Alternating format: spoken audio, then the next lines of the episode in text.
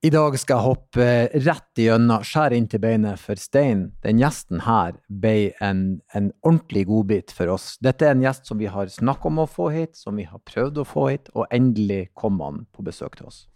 Ja, han er jo et av de desidert største førertalentene som uh, Norge har fostret. Og han uh, har jo hatt en fantastisk racingkarriere. Og vi trengte jo på en måte å få noen hit som kunne sette skapet litt på plass i forhold til hvor god er det mulig å være til å kjøre bil? Ja, eh, for dagens gjest er ingen andre enn Dennis Hauger. Han kjører for tida Formel 2. Han har vunnet Formel 3. Han har hengt med Nico Rosenberg. Altså, han, han, han er enda litt yr i, i støvlettene, det er jeg nødt til å si. For en fantastisk teaterby, Vi fikk lov å være nerdastein, vi fikk spørre om hva vi vil.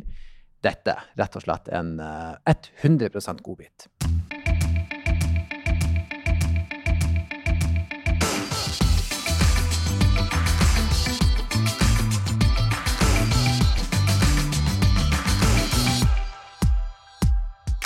Og med det så eh, en, en, en, viss porsjon ærefrykt og litt eh, starstruck 46 år gammel nordlending. Hjertelig velkommen, Dennis Hauger. Tusen takk. Det må jeg si.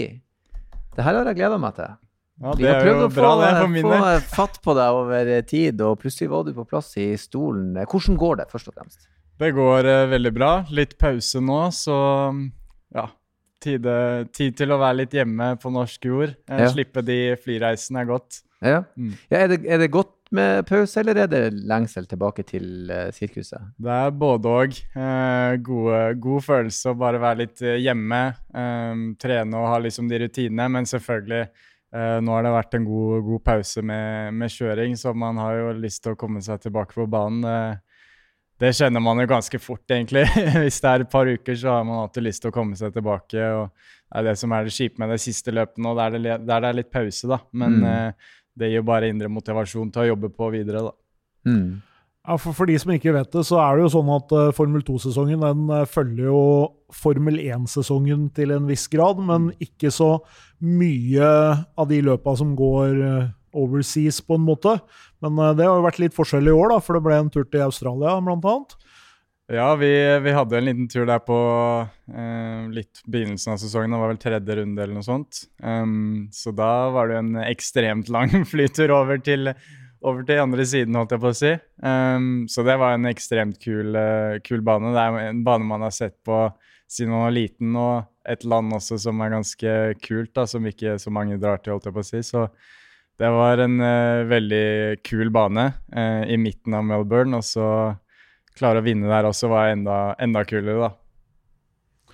Og så er det lang pause fra egentlig siste løp i Europa, og så nå til Abu Dhabi, som er i desember. Ja, vi har jo eh, et litt bredt spekter på hvor vi reiser. Altså På starten er vi jo veldig mye faktisk i noen løp i Midtøsten. Eh, Bahrain er jo det første løpet vi har i året. Um, og etter hvert beveger vi oss mye mer inn mot Europa. Eh, løp i Ungarn eh, og litt noen utenforstående der, men mye i Europa. Og så litt tilbake da ut mot eh, Midtøsten, som Abu Dhabi, da. Um, så det er jo eh, Flytter seg litt fram og tilbake her. Vi har jo totalt 14 løpshelger. Hvor vanskelig er det å eh, Jeg har to spørsmål. Nå har du en litt lengre pause. Eh, hvor rusten blir du etter hvert som tida går, når du ikke får kjørt? Eller, eller, er det helt fint? Er det som å sykle, at det sitter i kroppen med en gang, eller må det fintunes?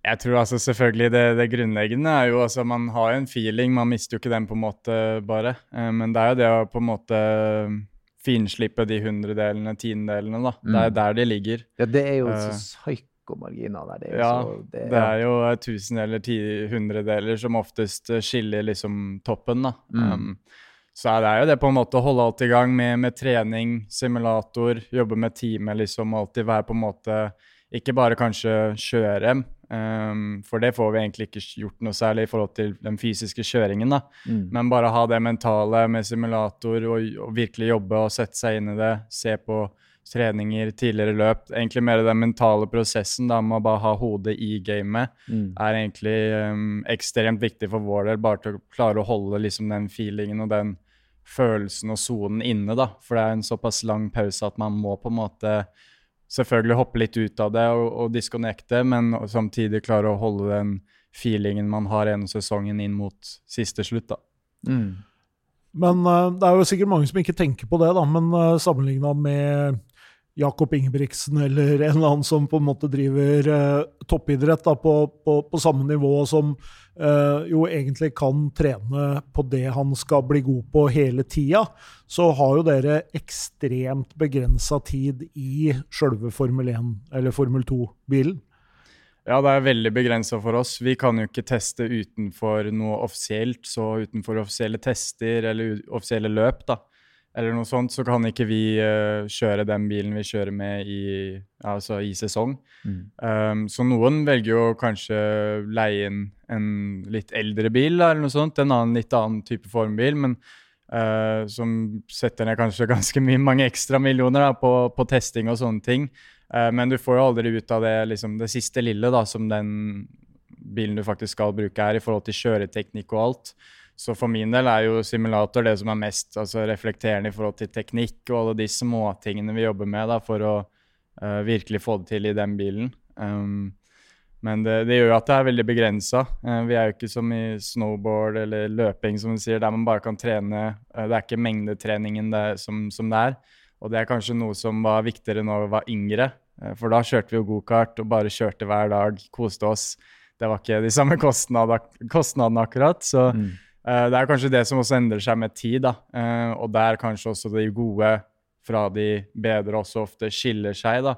Ettersom det er så begrenset med trening, må man virkelig sette inn tiden til å utnytte de uh, rundene man får, og virkelig klare å makse ut det, da. Og det er det kanskje ikke alle som i de yngre klassene klarer akkurat nå, i hvert fall. Til å virkelig sette sammen alt på så kort tid, da. Mm. Hvor god er en sånn simulator? Og det er noen hakk opp fra PlayStation 5, liksom? Det er jo, det er jo litt forskjellig selvfølgelig fra sted til sted, men hos Bull f.eks., den Formel 1-simulatoren er jo en simulator til noen hundre mil. Så er jo, den er jo altså den er jo en halv, eh, beveger seg opp til 7G, eh, går 360 grader rundt og følger, altså, følger selve banen. da. Um, så alle liksom brå svinger lager på en måte samme følelse, da. Så den er ganske ekstrem i forhold til at uh, den realitetsfølelsen er ganske virkelig, da, kontra noe annet. Uh, I hvert fall i forhold til kanskje en PlayStation man har hjemme med rattepedaler. Men bare den G-kreftfølelsen og alle de småtingene og det vi virkelig jobber med på simulator, er jo de teknikkene da, som man uh, ha på banen. Så alle de små tingene vi, vi, allerede skal sette inn på banen, kan vi jo utenat og har jobbet inn eh, flere timer per runde vi kjører i virkeligheten. da. Så det er en mengdetrening i seg selv akkurat på simulator, der vi virkelig finpusser de tingene. Men det er jo aldri den siste lille realitetssjekken da, som er i virkeligheten. Men det er det nærmeste man kommer, da, på et vis. Men ut ifra det jeg hører, så virker det som at det liksom, her teller marginene virkelig å få mest ut av det du har til rådighet. Hvordan er det når du da må sette deg på et fly og dra til Australia? Det er jo tidsforskjeller, det er jetlag. og Hvor vanskelig er det å være løpsklar? Og, altså det må jo påvirke bare døgnrytmen i seg sjøl. Ja, det er jo noe vi jobber mye inn, da. Så vi, vi reiser jo tidligere. altså Det er jo som i um, altså skilandslaget, alle sånn, de reiser en uke før. Eh, eller to uker, da, for den saks skyld. Vi, vi, har ikke akkurat tid til det, fordi det sirkuset følger så brått på. Men eh, vi reiser jo ofte ganske mye tidligere også for å få inn de døgnrytmene, de rutinene. Og, og vi har jo møter eh, med det og sånn også før, så vi må på en måte også dra tidligere da, med, med teamet. Så det går egentlig ganske, ganske greit. Du er mm. liksom, Når du kommer på banen, du er på, eh, du har fått inn de rutinene du skal. og jeg tror det er det som er det viktigste da, når du kommer på banen. skal du være switcha på, og det tror jeg eh, aldri vært et problem for meg, da, for å være klar for en løpshelg. Mm. Men hvis vi hopper tilbake, da, på en måte, fordi at uh, vi har jo sett deg i noen andre intervjuer hvor du snakker om uh, at du begynte å, å kjøre veldig tidlig. Uh, hvor tidlig snakker vi egentlig da? Hvor tidlig begynte du å kjøre bil? Um, ja, når jeg begynte med bil Oi, oi, oi. Um, Det var jo en uh, Opel Corsa, som, uh, en billig Opel Corsa vi fikset da jeg var åtte, som var den første bilen, hvis vi skal snakke om den, uh, som vi brukte på jordet. og det starta med en sånn skikkelig gammel veibil um, som vi bare fant. Og så um, begynte Moren min syntes det begynte å gå litt for fort på jordet der, så da måtte vi, hvis vi skulle kjøre noe mer på jordet, måtte vi ha bur. Så da solgte vi den, og så kjøpte vi en ny eh, bil Opel Corsa-bil eh, med bur. Så kjørte vi og lagde bane rundt på, på et jorde, da, og så kjørte vi rundt. Eh, men eh, det begynte jo helt altså tilbake, så begynte jo helt fra jeg var ett, så følte jeg jo faren min på rallyløp og sånt, og så eh, kom jo min første firehjuling da jeg var to år. Um, og har jo fortsatt litt arr her, så det er mye som skjedde da når jeg var liten der. Uh, men den interessen begynte jo så ekstremt tidlig. Uh, det var ikke så mye Postman Pat og liksom barn i barneshowet da. Jeg så på Jeg husker jeg så på Helt på trynet um, på DVD. Det er jo sånn forskjellige krasjer ja. og løp fra NM og masse forskjellig. Så det syns jeg var ekstremt gøy, da. Og så var det motocross når jeg var fire. Um, når støttehjula på sykkelen gikk av, så var det det som gjaldt. Og så gokarten og også fire-fem, da. Så det har på en måte den interessen har bygd seg opp hele tiden, og det har jo bare vært noe vi elsker, uh, jeg og selvfølgelig faren min, da. Mm. Ja, For det krever at du har noen med deg hvis du skal drive med dette her når du er fire-fem år. Da er det noen andre som må synes det er litt gøy òg? Ja, selvfølgelig. Uh, jeg tror når det kommer til de fleste idretter, så er det jo alltid uh, en i familien som er litt glad i det, som vil kanskje sette barnet sitt litt inn i det og se hvordan det er. Uh, men altså, når, jeg tror når det kommer til motorsport, så må du på en måte også ha en veldig link til det, da, med oftest kanskje f.eks. faren din, da, der du Han også har jo vært interessert og drevet med mye selv. Og når jeg var liten, så var han mekaniker eh, for meg eh, på karten, og vi kjørte rundt og var på baner og koste oss. Og det er jo på en måte en sånn far-sønn-ting som vi begge gjorde det vi elsker. Eh, det tok jo sin tid til tider for han, kanskje spesielt med jobb og alt, men vi drev jo på en måte med noe vi begge nøyt, da. Så um, på min del så var det en, en veldig kul barndom der jeg kunne gjøre veldig mye morsomt med en som hadde felles interesse for det, da. Mm. Men vi har jo hatt flere eh, folk som si, lever og kjører bil eh, fort. Eh, og så har vi liksom merka oss at det er en litt sånn todelt interesse. Eh, er, du, er, du, interessert i biler, eller er det det å kjøre de som Altså, Er du en sånn fyr som snur deg etter en kul bil og har en litt sånn drømmebil og har lyst til å kjøre rundt i, eller er det uinteressant til selve kjøringa som er interessen? Ja, det er ofte man får den der Jeg tror det er veldig forskjellig.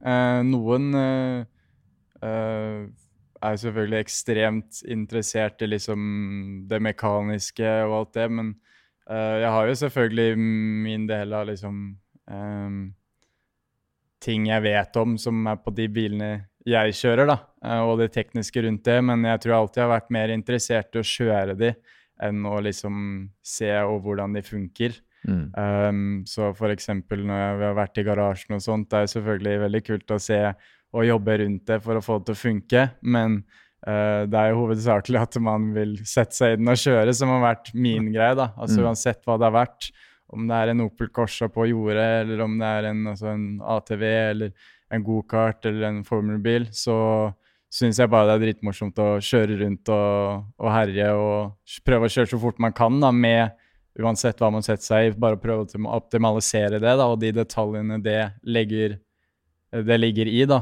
uh, eh, syns jeg er det kuleste med racing og kjøre, da, og den mm. karrieren jeg har. Uh, men det er selvfølgelig kult å se, men ikke det som kanskje setter all min oppmerksomhet den tekniske biten. av. Men Er du opptatt av f.eks. Hvis, hvis du har en daily driver, er du opptatt av hvilken bil det er, eller driter du i det? liksom? Ville du hatt en superkul sportsbil å kjøre rundt i, eller, eller er det det samme? Liksom? Tror du han har en superkul sportsbil å kjøre ja, rundt i? Ja, jeg har jo Jeg kjører jo en Porsche Taycan 4S. Du gjør det, ja. Eh, ja. Så der er en litt sånn interesse at det skal både se litt kult og kjennes litt kult ut. Jeg er jo Porsche-ambassadør, mm. um, og jeg syns jo det er ekstremt altså jeg synes jo det er ekstremt kult å være det også. Um, det er et, uh, et, merke jeg har sett på siden jeg var liten, i hvert fall. Uh, mm. Og kjørt veldig mye forskjellig med det også på Rudskogen. Uh, prøvde f.eks. den nye GT3 RS-en nå.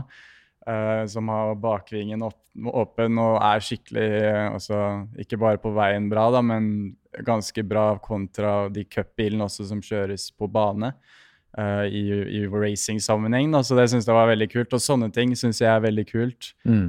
men for min del så um, er det jo selvfølgelig kult, men det beste er jo selvfølgelig det som skjer på banen for meg, da. Uh, men alt, alltid kult å ha noe som går bra på veien òg, selvfølgelig. Men skal følge, følge noen fartsgrenser. Jeg skulle, til å spørre, spørre hvordan, hvordan, er du som bilist i trafikken? Kjeder du deg? Uh, nei, altså, jeg tror jeg, jeg er grei. jeg, jeg kan kanskje jeg tror fort jeg kan tenke litt sånn uh, smutthull som kanskje ikke så mange andre. For det er bare det jeg er vant med. Men jeg har aldri vært i noe Jeg har aldri, aldri krasja med noen, akkurat. Go for the gap, liksom. ja, ja. men, uh, men, jeg har vært veldig opptatt av det også, da. Å prøve å liksom kjøre sikkert. så plutselig gjør man noen sånne feil, og på veien så er det jo fort at det blir en headline. Så man vil jo prøve å holde de tingene under kontroll. Uh, men, men, ja, det, det, går fint. Man får utløpet på banen, vil jeg, liker jeg å si, da. Men du har jo vokst opp i en uh, nasjon som først og fremst har vært en rallynasjon på mange måter. Med Petter selvfølgelig, og med liksom alle de som har kommet etter det her, da, Andreas og Mats og, og masse gode uh, rallyførere. Men, og, og, faren din også, på en måte, som har den, litt av, hatt litt av den bakgrunnen. Da. Men mm. Hvorfor endte du med baneracing, egentlig? Nei, si det, egentlig. Uh, jeg tror det kommer litt fra um, den reisen det har tatt meg, på en måte. Um, mange kjørte jo gokart, eller f.eks. Oliver Solberg kjørte jo mest crosskart. Eh, og det er kanskje der den retningen mot rally, også rallycross og rally mm. VRC begynner mer, da. Mm. Eh, men også mange kommer jo fra VRC fra gokart, som meg. Eh, men jeg tror for, for min del da, så begynte jo den reisen når jeg begynte internasjonalt. Og da um, er det på en måte Man havner i et litt annet sirkus. Man kjører ikke hjemme i Norge, man kommer utenlands, kjører EM og VM i gokart, og det er ganske profesjonelt. og uh, jeg tror når vi først kjørte gokart der, så hadde vi jo ikke noen sånn uh, ekstrem plan om å komme inn i formelbil. Uh, I hvert fall for meg, for jeg var jo så ung fortsatt. Uh, men på en måte når man også får den interessen fra juniorteam, og man ser på en måte at det, det, går så bra som det gjør, så er det selvfølgelig kult å se en, kanskje en drøm bli litt sånn mer realisert, og man kan plutselig sette mål da, eh, steg for steg. Og det, mm, det var kanskje den biten som liksom satte den prosessen i gang. Jeg har alltid sett på rallycross og rally og sånne ting, uh, og syns at det har vært veldig kult å se på. Uh, for det har jo på en måte vært, som du sa, en litt sånn norsk del av det. For vi har aldri hatt en Formel 1-fører, og det har aldri vært sånn helt der. Og nå har de bare kommet opp og opp mer og mer. Men uh, for min del så har det på en måte alltid vært baneracing som har vært det, det kule, da. Um, den altså smoothnessen det, det, bringer, og de detaljene legger i. Altså på VRC og rally så går det mye mer på feeling. Du kan ikke jobbe med de detaljene hele tiden som du gjør på banen, da, der du faktisk må virkelig sette inn de uh, detaljene til å liksom ta den perfekte runden. Og jeg tror det er det jeg alltid har elsket da, med, med, det. Og selvfølgelig også bare den biten med å fighte og, og den close racingen og de uh, øyeblikkene der som gir deg også mye av det adrenalinet da, når du fighter. Um, så det er mange komponenter tror jeg, som setter meg inn i racingbildet på, på asfalt enn kanskje noe annet. Og det er jo ikke sånn at det er de siste par åra du har begynt å reise rundt og ikke være i Norge for å, for å, kjøre. fordi Hvor tidlig begynte du å reise til Italia og Tyskland og sånt for å kjøre gokart? Ja, det begynte jo med når jeg var ti år, egentlig. var jo første gang jeg reiste ned til Italia. Vi skulle egentlig bare teste noen motorer for å kjøre hjemme i Norge neste år også. Uh, men så gikk det jo plutselig kjempebra på den testen med team vi testa de motorene for, og de syntes jeg gjorde det så bra på tider osv. at de plutselig egentlig ville ha meg til å kjøre noen løp der. da. Um, og det gikk jo egentlig ikke for meg, for jeg hadde jo norsk lisens og kunne ikke kjøre i utlandet. Eh, for jeg var ikke gammel nok. Så jeg måtte bytte da lisens. Um, egentlig skal man bytte internasjonal lisens, men var ikke gammel nok til det heller, så jeg måtte bytte til italiensk lisens, og det fiksa teamet for meg. Så plutselig hadde jeg bostedsadresse på Sicilia, sto det på lisensen min. Så da måtte jeg Ja. Da skulle vi kjøre litt til Italia, da. Eh, kjøre noen løp der. Og det gikk jo også veldig bra, så plutselig vant jeg løp der i utlandet. Og, og året etter vant jeg jo nesten alt i den miniklassen som er på en måte eh, det verdensstørste for den klassen. da, På mitt årskull, på en måte. Rundt der. Så det var jo det som kanskje fikk det i gang. Og den reisen da har jo vært fra jeg var ti til ja, ti år nå, eh, med egentlig 200-250 reisedøgn i året. Så det er ganske spesielt for min del da, også å bruke så mye tid um, og sette så, sette så, mye. Altså, jeg har jo gikk på skolen i en lang tid også, fram til jeg var 16, og når jeg, måtte, når jeg gikk ut av uh, ungdomsskolen etter det. Um, så det å kombinere alt i den, i den, reisen også på der, da, var jo ikke alltid like lett. Jeg måtte jo jobbe mye rundt ting um, med all reisen. Men det har på en måte gått veldig bra. Det har på en måte vært um, en skole i seg selv, da, det jeg har holdt på med siden jeg var så liten, med um, snakke med voksne mennesker, profesjonelle mennesker, uh, ingeniører, mm. snakke på engelsk, være på pressekonferanser siden jeg var 10-11 år uh, på engelsk foran kameraer. Så alle de bitene da har på en måte lært, vel, lært meg veldig mye på den reisen. da. Men, men, men innser du sjøl at du har et sinnssykt liv? For du har jo på en måte vært i det siden du var liten. Har du noen gang hatt et sånt hva helsike øyeblikk der du har tenkt at så fett det er at jeg får gjøre akkurat det her? Ja, altså selvfølgelig. Alle har jo sitt liv, da. Så for meg er det det er mitt liv. Det er sånn jeg har hatt det siden jeg var ung. Mm. Og det er sånn jeg har på en måte operert siden jeg var ung, så jeg er jo vant til det. Uh, jeg tror jeg hadde ikke vært foruten og hadde ikke hatt lyst til å drive med noe annet heller, på en måte. Selv om det er mm. hektisk til tider, så er mm. det det jeg elsker. Uh, men altså Ja, det er jo et vilt, og jeg er jo Må man sette seg man må, man må ta et steg tilbake innimellom og bare knip, klippe seg selv litt i armen, for det er jo et uh, vilt show man er med på. Et vilt sirkus. og det er ekstremt kult, og jeg syns ikke heldig på en måte som er, er på denne reisen jeg er. Uh, men det har jo ikke på en måte kommet av seg selv heller. Det har vært en arbeid siden man var liten. og mm. um, det har kanskje ikke kommet sånn ekstremt planlagt hver gang, men det har alltid kommet av resultater. da, Og det er det jeg syns er veldig kult med den reisen jeg har skapt, eh, og vi har skapt på en måte opp igjennom den karrieren jeg er i nå. da. Men Italia, når du skulle teste, det var en slags start, en tilfeldighet. Noen så at oi, her er noe annet.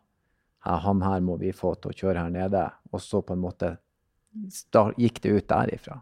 Ja, jeg husker jo når vi testa de motorene, for det var egentlig bare noe vi skulle ha hjemme i Norge, da. Um, og så gikk jo den såpass bra, så husker jeg han sjefen sa Give me one year, and next year you will win everything. så gikk det et år, da. Vi vant noen løp og gjorde det ganske greit. Og så året etter så tror jeg vant fem av seks mm. eh, WSK-serier som står for World Series Karting, da. Mm. Og vant fem av seks eh, serier der eller noe. Så det var veldig kult, da. Og det var som du sa, ikke noe planlagt på mm. den måten. Um, det kom på en måte bare litt av at det gikk fort, uten at vi, jeg tenkte på det heller. Jeg var jo ti år. Men det var jo veldig kult på en måte, og det trigga på en måte den reisen. da.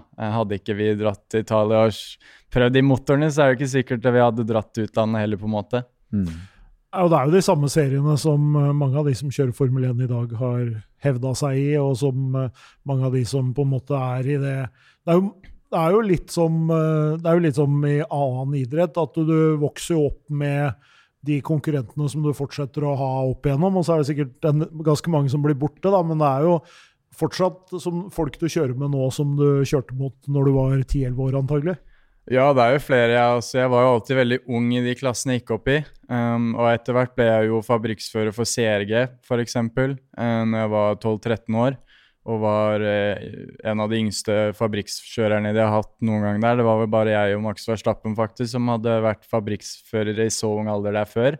Eh, å kjøre hjem og VM med de da, som fabrikksfører var veldig kult. Mm. Og jeg var jo 13 og kjørte i 13 og 14 og kjørte i seniorklassen med eldre. da, Ofte i EM og VM. Og jeg hadde jo f.eks. Oscar Piastri var en jeg fighta med der. Uh, og slo også egentlig ganske ofte på den tiden, iallfall. Uh, men han var jo også noen år eldre, da. Um, så det var jo veldig mange man faktisk uh, kan se tilbake på man har fighta med og har egentlig hatt hele, altså som konkurrent eller vært på en måte i den samme fasen opp igjennom. da. Men mange av de jeg kjørte med helt fra start, har jo vært år, noen år eldre. Så jeg har også, også, kommet opp ganske tidlig også da, eh, i den reisen. Men det er veldig kult å se tilbake på um, noen man har kjørt med eh, hele veien, og andre man har på en måte sett tatt andre veier, da, som langdistanse og sånne ting òg. Mm. Ja, for det er jo ikke nødvendigvis heller sånn Det handler jo litt om, som vi har snakka mye om da, på, på, TV og sånn, det er jo det der med at uh, det handler jo ganske mye om å være på riktig sted til riktig tid. Uh, du må være god, selvfølgelig, og alle de som kjører uh, Formel 2 i dag, er jo utrolig gode førere, og de som er i Formel 1, er selvfølgelig også det. Men det handler jo om at det må finnes en, en plass der. og det er jo som jeg snakker med en del folk som, som, følger med på fotball, og det er jo litt sånn at uh, i Formel 1 så er det jo sånn at du hvis du ikke er god nok til å spille på Manchester City, så kan du spille på Burnley mm. eller på Sheffield United. og Du er fortsatt en utrolig god fotballspiller, men det er på en måte i Formel 1 så er det egentlig bare Manchester City. på en måte. Det er mm. bare litt sånn ulike varianter av det. Mm. Så det er jo et utrolig Snabert. tøff greie da, å gå løs på. Hvordan, liksom, hvor realistisk tenker man på en måte at det er, da, når du, når du har alle de du har kjørt på i gokart, og så har du kjørt på dem i Formel 4, og så, ikke sant, hele veien så ser du at det stadig blir færre og færre rundt deg. da. Men hvordan klarer du på en måte å holde den troa, fokuset på at uh, jeg er god nok på en måte til å komme gjennom her? Jeg tror uh, Det er jo en mental fight, tror jeg, fordi vi har jo så mange løp i sesongen. Det er, og det går jo opp og ned hele tiden. Sånn er det jo som en idrettsutøver, og kanskje spesielt i motorsport, da, der det er så ekstremt, uh, tror jeg. Men um, ja, det er, jo, det er jo litt merkelig, da. Det nåløyet er jo så ekstremt trangt. Det er jo 20 førere i verden som får de setene, og som du sier, det er på en måte det er et fotballag, da. Det er det du kommer, kan komme på. Hvis ikke så er det liksom uh, ingenting annet i den stigen da, mot Formel 1. Mm. Så det er jo veldig spesielt å, å se um, også da Eh, mange hoppe av, og også kanskje noen sitter igjen, noen andre nye kommer opp. som så det er jo liksom det nåløyet blir bare trangere og trangere, og det merker man ekstremt jo høyere man kommer opp. Eh, men det er så veldig kult og, og lærerikt også, på en måte, den reisen. Jeg merker jo det, altså hvert år lærer jeg noe nytt. Om det ikke liksom bare er kjøretekniske ting og sånn rent kjøremessig erfaring, så er det også veldig mye om meg selv og mitt hode og liksom hvordan jeg skal prøve å operere så best som mulig på og av banen. Uh, så jeg føler jeg vokser veldig mye i, forhold til at det er så Du må opptre så ekstremt profesjonelt. Du må jobbe så hardt for de målene du setter deg, da. Uh, og bare de daglige målene, liksom. Jobbe for det hele tiden. Så det, det, tror jeg jeg har lært veldig mye av på den reisen oppover, og det er det som også uh, gjør at man liksom klarer å ta de stegene, selvfølgelig. At man jobber hardt hele veien og aldri gir seg og aldri tviler på seg selv. Men uh, ja, det er jo selvfølgelig et veldig spesiell uh, stige da, i livet. Uh, mm. Der du må vokse opp tidlig, og du må liksom jobbe hardt fra starten, fra en ung alder. Og det tror jeg også er jo en, en unik oppvekst og en unik vei, da, selvfølgelig.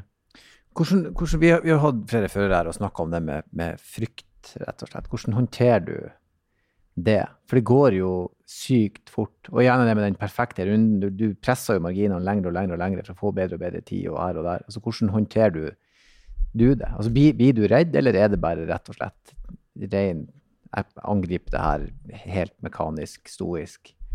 Nei, jeg tror, jeg tror, som fører, når det kommer oppover, oppover, og du går så ekstremt fort også, så uh, blir du jo veldig analytisk av deg. Fordi du må jobbe så ekstremt innenfor meterne, centimeterne på bremsepunkt, turn-in. Alt handler så mye om timing i de hastighetene òg, da. Uh, men altså, ja, som du sier, den der uh, fryktfaktoren, da. Jeg tror ikke når man kjører at man har en fryktfaktor fordi man har så ekstremt uh, fokus og man er så sykt i sonen med det adrenalinet da, på de oppgavene du skal gjøre. Mm. På å liksom bare time alt riktig og bare prøve å ja, kjøre på, da.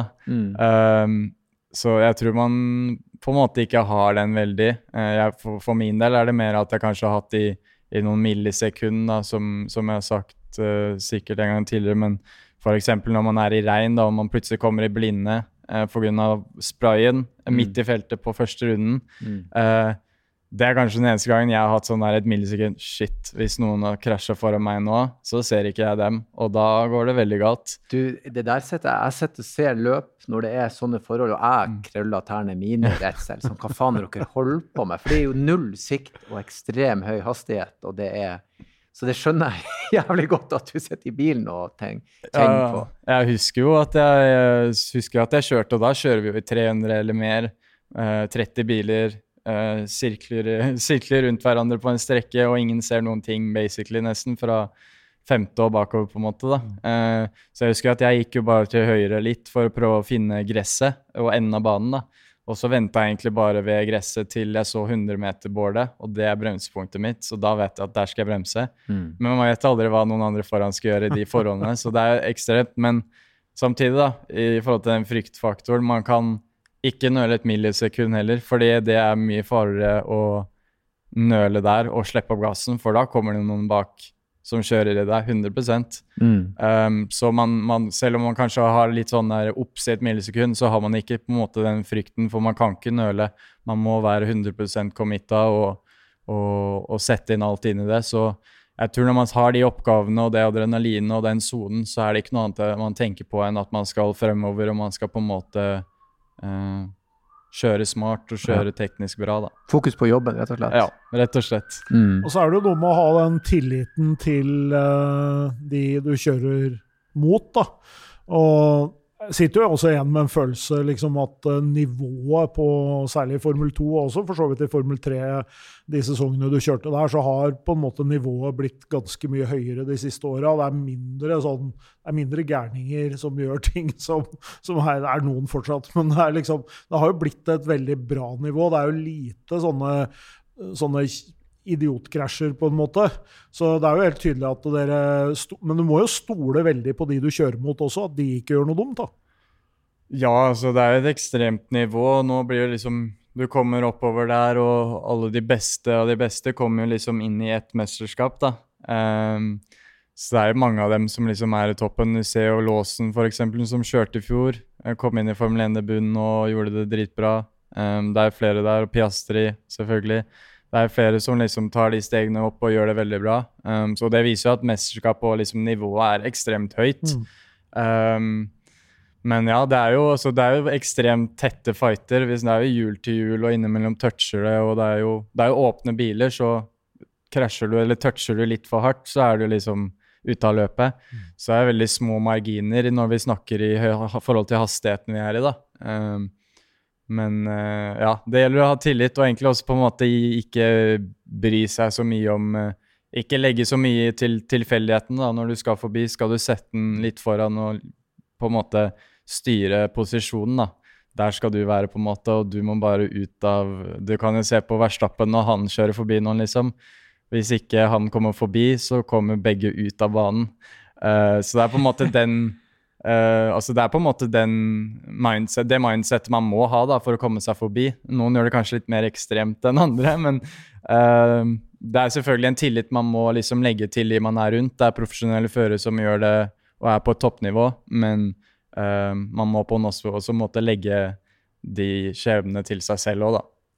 Men Hva slags forhold har du til de du kjører mot? da? Dere er jo på en måte, dere kjemper jo om i praksis kanskje to, tre, fire mulige plasser. Mm. Og så er dere liksom 30 eh, stykker som alle vil ha de plassene. Er dere, det, fordi man ser Drive to Survive, ikke sant? og så ser man liksom hvor, hvor spiss det er. Og så, og så, føler man liksom at alle disse Hamilton og Verstappen er liksom uvenner, ikke sant. Og de, mm. de er liksom, det er veldig sånn, det er veldig sånn knokekamp da, innad i teamet med teamkompiser og sånn. Men har du, har du, folk du kjører mot som du regner som gode kompiser, liksom?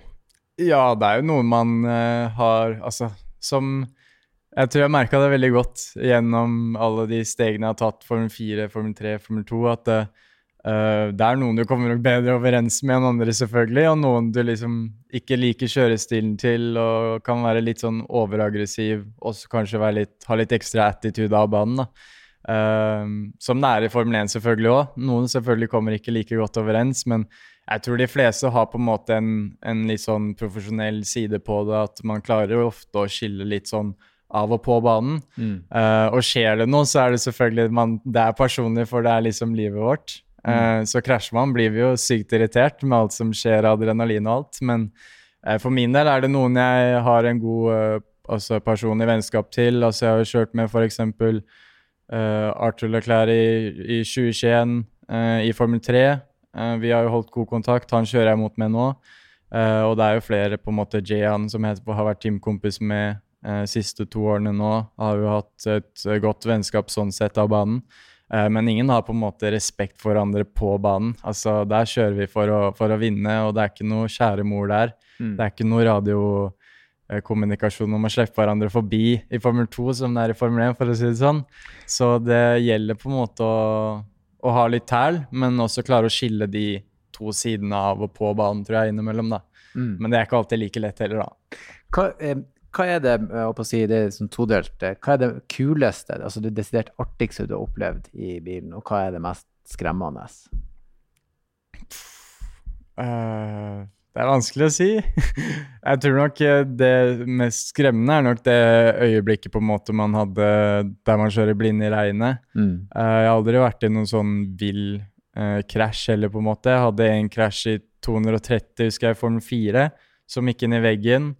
Uh, og så Det hørtes litt skremmende ut. Ja, men det høres veldig, men det, det var ikke noe sånn wow. Men ta, men ta oss med, da. Det her er Formel 4. Ja. 230 km i timen er jo veldig, veldig fort. Mm. Uh, hva som skjer? Mister du kontrollen? Du går ut og treffer veggen. Ja, da var side om, da var jeg side om side med en annen, og så var det ved siste runde, siste sving. Jeg lå på inneren, og så inn i innbremsing, så styrte den litt til høyre. Så når jeg bremsa, så uh, traff jeg innhjulet hans, som gjorde at uh, bilen min løfta seg og fløy litt, og så havna jeg bakveis inn da mot veggen. Uh, men jeg tror altså jeg hadde også en annen i Formel 2 i fjor. Den var ikke så ekstrem, men det var jo med Nisani, der den kanskje var litt mer skremmende i forhold til hva kun, som kunne ha skjedd. Da Da mm. måtte vi også på legevakta bare få dobbeltsjekket, for det var vel den 10G, 10G-krefter-impacten som alarmen som kom på, så da må vi sjekkes. Uh, men da ble jeg jo pressa litt ut på gresset uh, og klarte ikke å bremse. Og så kom jeg opp på en curbs og begynte å fly. Og da var jeg selvfølgelig Nisani Litt karma, tenker jeg, da, men da var Nisani selvfølgelig i svingen. Mm. Så da kom jeg tilbake som en rakett uten at jeg kunne kontrollere det. Uh, og hadde jo ikke den halo-bøylen vært der da, så hadde jo det hodet hans blitt rett og slett kappet av, egentlig, fordi, fordi den uh, ja, gikk rett mot hodet. Fløy så det, ja, så det er mange sånne øyeblikk der da man kan si hva hvis, men jeg har aldri hatt en sånn ekstrem krasj. Mm. Men det er selvfølgelig veldig mange fine øyeblikk da, fra uh, karrieren sånn sett, som jeg kan se tilbake på å vinne Formel 3. Det var mm. nok det kuleste øyeblikket jeg har liksom av følelser, ettersom det gikk ikke like bra året før. Uh, og det gikk liksom litt ned, og, og, så klarer du liksom å switche om og virkelig nullstille og komme tilbake og vinne og bli verdensmester i Formel 3. Det var et uh, ekstremt kult øyeblikk, da. Men jeg har ikke sånn et, et kjøreøyeblikk, kan jeg si, da, som jeg syns er kulest, for det er så mange å ta av, da. Mm. Men det er klart det er en opplevelse. Jeg skjønner Å vinne Formel 3, det må være helt ellevilt. Ja, det for det er jo noe du jobber med over tid, og, og ja, ja, det er jo en lang sesong, og det er jo mm. veldig mange oppturer og nedturer på veien. Og du må liksom bare fortsette å jobbe og fighte videre på da, når det går litt dårlig. Så det er jo det som gjør det ekstremt kult å klare å avslutte på, på topp til slutt. da. Mm. Og så kjører dere jo på veldig forskjellige baner med utrolig ulik karakteristikk. sånn at eh, det er jo ikke det er jo det er kanskje mer ekstremt enn det er i gokart eller i an, nesten alle andre hva skal vi si, banesporter. Så, så varierer det fra disse her trange gatebanene å kjøre i Monaco liksom, til å kjøre på spa. det er jo det er liksom, Hvor trives du aller best liksom, av sånne typer baner? Uh, nei, altså I år har det jo ikke gått bra på baner som f.eks. Mansa. Uh, og det har jeg jo merka godt i forhold til at det ikke er så mye toppfart å hente akkurat der. Um, så jeg, men jeg har jo alltid elsket uh, knotete baner. Det er jo det jeg er oppvokst med på en måte òg. Litt sånne tekniske baner i hvert fall, da. Uh, som f.eks. Sandvort i Nederland. Det var jo Det er jo synd at den ikke skal være der neste år, faktisk, på kalenderen. Mm. Den ble bytta ut. Men den er jo en veldig kul bane i forhold til at det er litt teknisk. Det skjer mye hele tiden. Du har mye kombinerte svinger hele veien, så det blir også veldig kjøreteknisk vanskelig å klare å hive seg inn i svingene riktig da. Få med den farten. Så det er vel kanskje de banene jeg liker best. Og så har du selvfølgelig baner som Monaco, som er ekstremt tekniske, da, som bare er sånn uh, Jeg vil ikke kalle det teknisk engang. Du må bare komme deg gjennom runden så fort som mulig. Og det er veldig merkelig også på sånne baner, for du, du kjører så trange spor. Så på en cooldown-runde der du føler du kjører OK raskt, kjører du egentlig veldig tregt, for det er så lav hastighet. Så kjører du litt fortere, så gjør det en ganske stor forskjell kontra hvis du hadde kjørt en høy hastighet. da. Så er det mindre um, forskjell på tid. Um, så det er veldig spesielt å kjøre gjennom sånne baner, og de marginene Og du snitter jo veggen sikkert flere ganger gjennom løpet, liksom.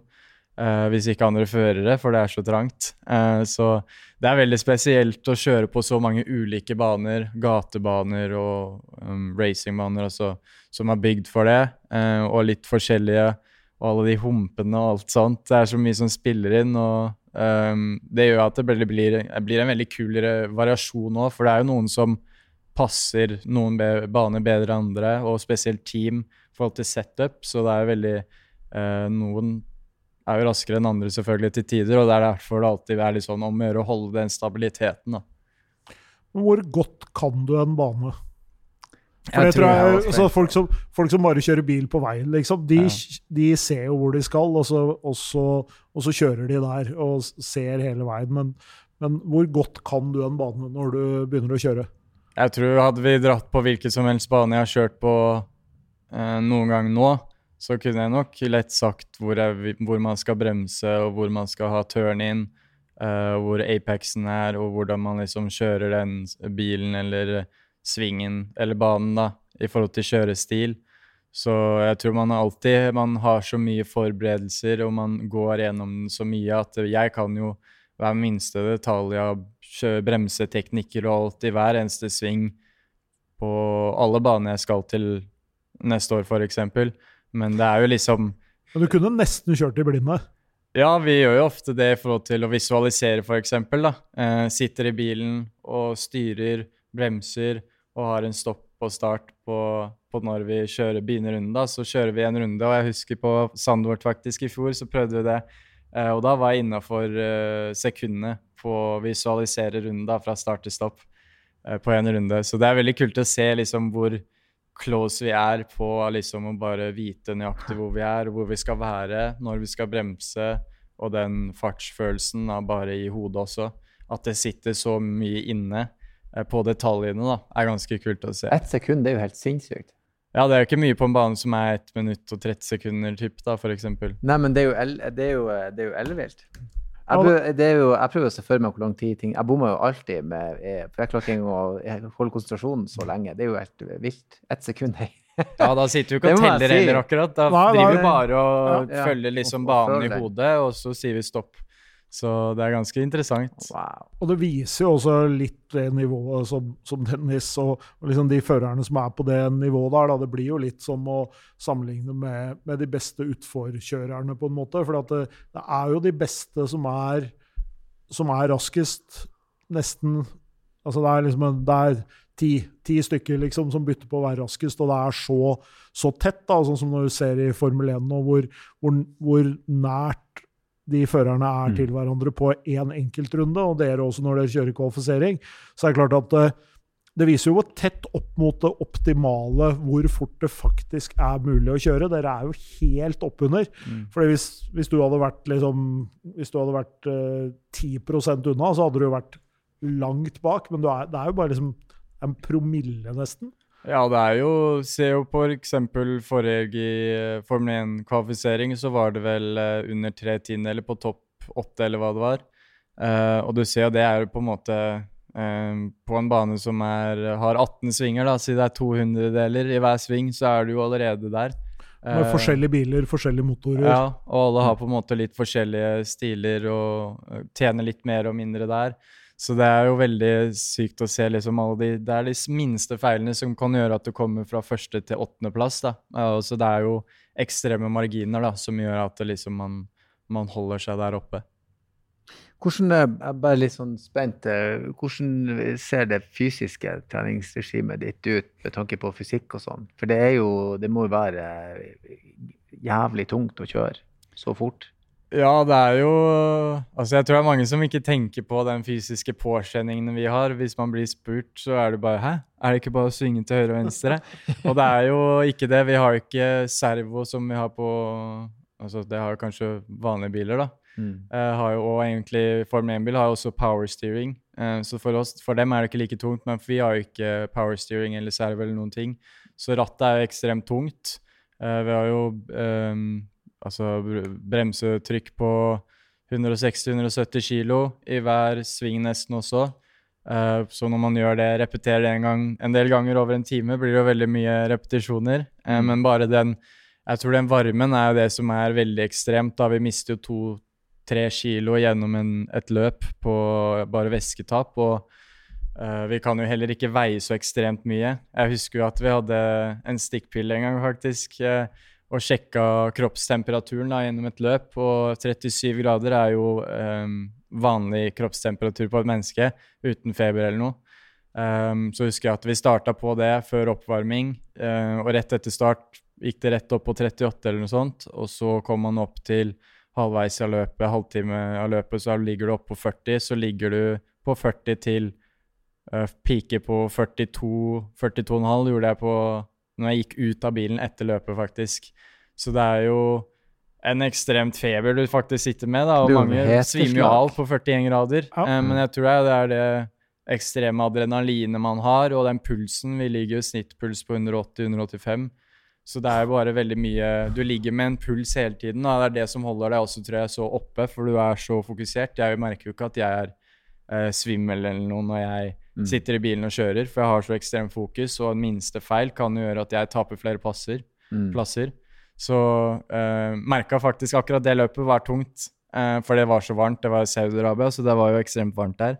Uh, men når man kom ut av bilen da, da merka man jo at når alt dropper, så blir man litt sånn wow. Så nå må jeg ha noe vann. Ja. Så jeg løpte jo og dynka meg selv ned med vann med en gang. Mm. Uh, men det er kanskje det eneste løpet jeg har hatt sånn der de påkjenningene i forhold til varme, at det har vært så tungt. Og du så jo f.eks. løpet i Qatar, der flere måtte på ah. sykehuset, ah. og flere hadde svimt av.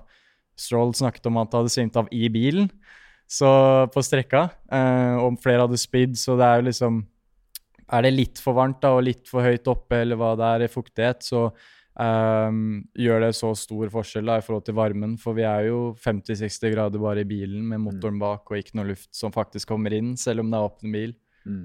Så, er, uh, så varmen er på en måte det verste?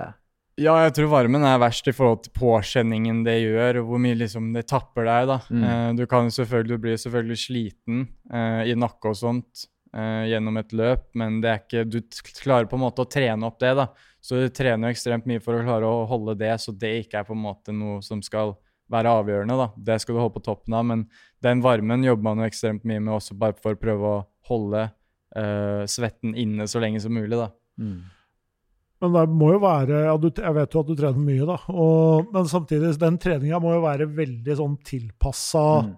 uh, det å være formelbilfører. fordi du skal jo ikke bli sånn megabeef heller, liksom. Biceps og brystkasse og strandkropp. Ja, litt, det må, være, må holde, seg, holde, seg, lett og slank, rett og slett. Ja, vi skal jo ikke veie så mye. Samme Formel 1-fører, man skal jo ikke veie så mye. For det er minimumsfører med bil og fører. Um, og du vil ha litt buffer imellom der for å kunne legge litt vekt i bil og balansere bilen med det også. Um, så du, du, skal holde deg innenfor en, en viss vekt, da. Uh, og du kan heller ikke bygge for mye volum. Alt handler på en måte om kjerne. Uh, jeg tror den eneste store muskelgruppen vi bruker mye, er på en måte nakke, for det må man ha når det er 5-6 G gjennom et uh, løp over en time. Mm. Og da må man på en måte ha dem, for her har jo ikke vi noe hjelpemidler. Du holder deg jo bare i her. Ja. Um, så det er veldig mye trening på der, å bare klare å holde spenningen i kroppen. da. Uh, I høyhastighetssvinger så holder vi jo pusten, så vi holder på en måte liksom den spenningen i kroppen. Og det er der vi trener veldig mye for å klare å holde det gjennom løpet uten å faktisk bli noe eh, ekstremt sliten. da. Um, det er jo mange som blir sliten av å kjøre leiekart, f.eks., uh, og kjenner det i ribbein og sånn. i vanlig kart så hadde du knekt ribbein uten ribbeinsbeskytter på én runde. Mm. Uh, og i, i, i formbil så også, så altså, hadde vært ganske stor påskynding etter en runde også, tror jeg. Så leiekart f.eks. er jo bare å kjøre med én hånd og kose seg. Uh, og det er jo litt morsomt da å se liksom den forskjellen da på sånne enkle ting som man ikke tenker så mye over. Jeg ble litt flau når du sa det, for jeg var i Syden i sommer og kjørte gokart med ungene. Så sliten i håndleddene. Ja. Og da har jeg kjørt i 17 minutter i en sånn her 50 kubikker.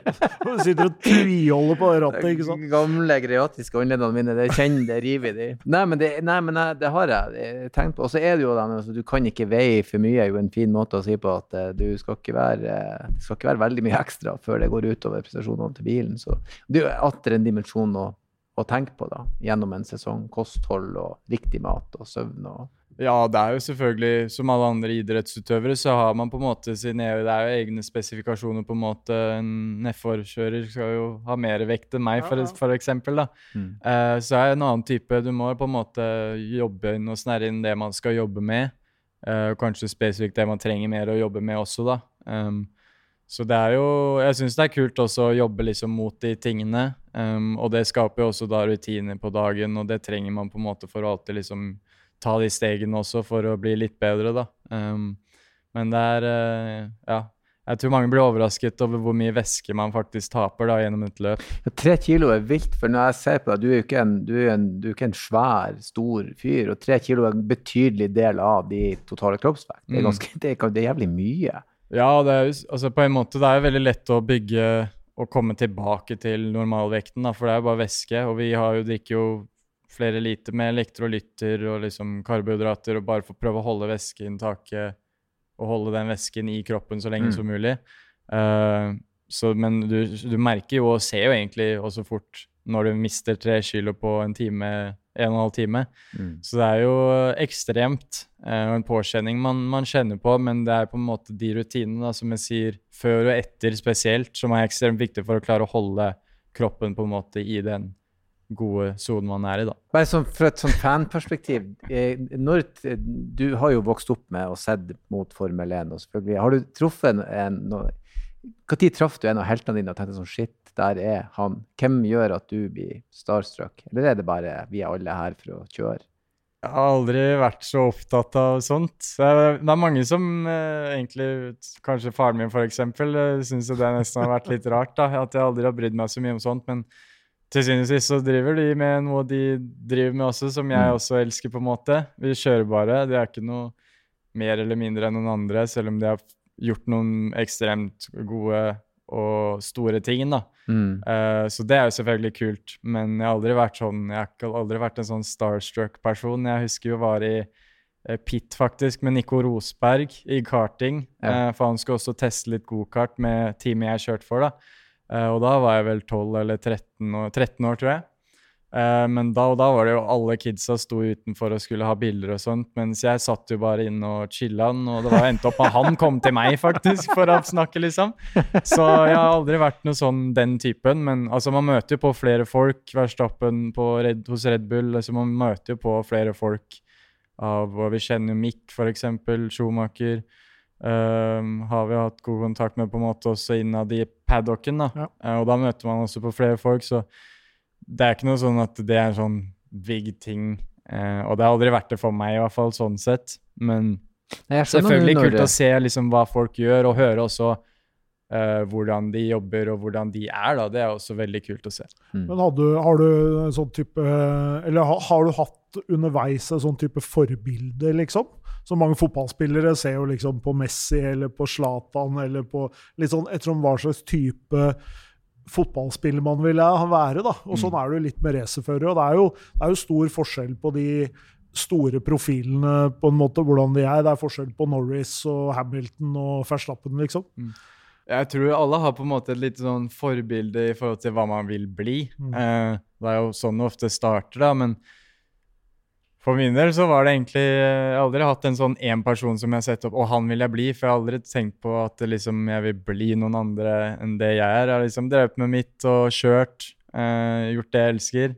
Og det har selvfølgelig bygd på seg, men jeg har selvfølgelig hatt en interesse f.eks. For Formel 1. da, når jeg var liten, så husker jeg så Sebastian Fettel med Red Bull. uh, når han ble fire ganger verdensmester. Mm. Det er sånne ting man husker. Uh, sammen med Michael Schumacher. Um, og man så mye på videoer fra når han var liksom i sin glanstid og på en måte der, da. Uh, så det er veldig mye kult man tar fra uh, når man var liten og ser på og syns det er sykt kult, da. Men jeg har aldri hatt en sånn som Jeg har ikke hatt en, en person som jeg har hatt plakat på liksom på rommet. Jeg har ikke vært der. Jeg har alltid gjort mitt eget uh, race, og det tror jeg også har vært viktig, da. Um, men jeg tror alle er forskjellige der. Mm. Men nå er det Vi begynner vel å nærme oss slutten, sikkert, dessverre. Men, Ja. eh, men eh, nå, er det, nå er det snart eh, avslutning på denne sesongen, og så er det inn i en ny sesong. Hvordan, hva gjør du da, liksom, for å være fullpeppa til sesongstart neste år? Har du begynt å tenke på det nå, eller har du bare fokus på årets siste løp?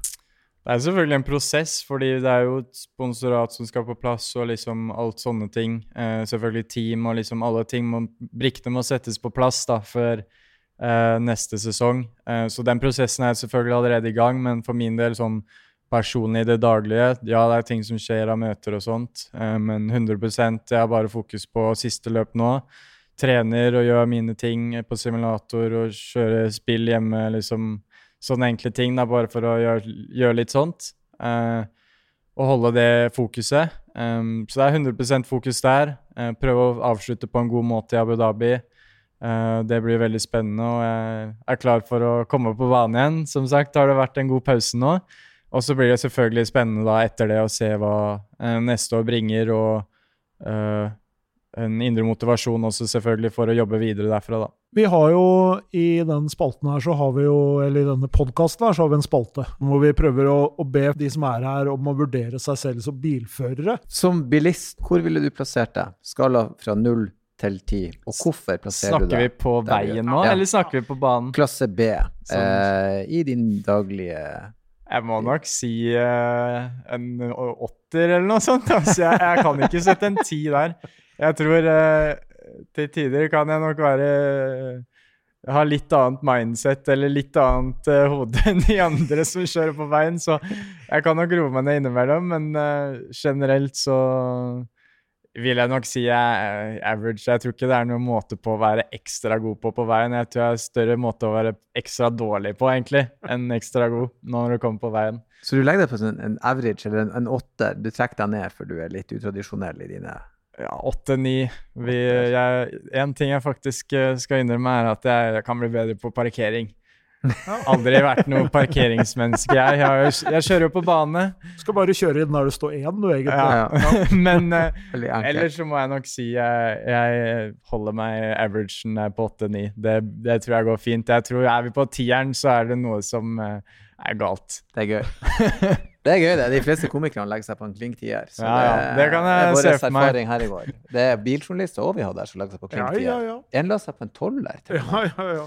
Så det er Nei, men det er Da, interessant. da, det, det hadde vært veldig interessant å se den kjøringa da, faktisk. Hva er det som gjør en, en toller liksom til en så god uh... Ja, vi hadde Nils Verstad. Han mener at han til enhver tid er blant de tre beste bilistene på veien til enhver tid. I Norge. Ja, ja. I Norge. Uansett Til enhver er. tid. Om vi står stille eller om vi kjører. Ja da, så er han best. Topp tre. Det er veldig interessant. Du, eh, det, var, det var utrolig kult å besøke deg. Veldig, veldig. Tusen takk for at du kom innom og prata med oss. Jo, takk for at jeg ble invitert. Dette var stas. Vi har som sagt gått og prata om deg i alle de nesten tre årene vi har holdt på her i Bjørvika. Så det her var utrolig stas, og masse lykke til.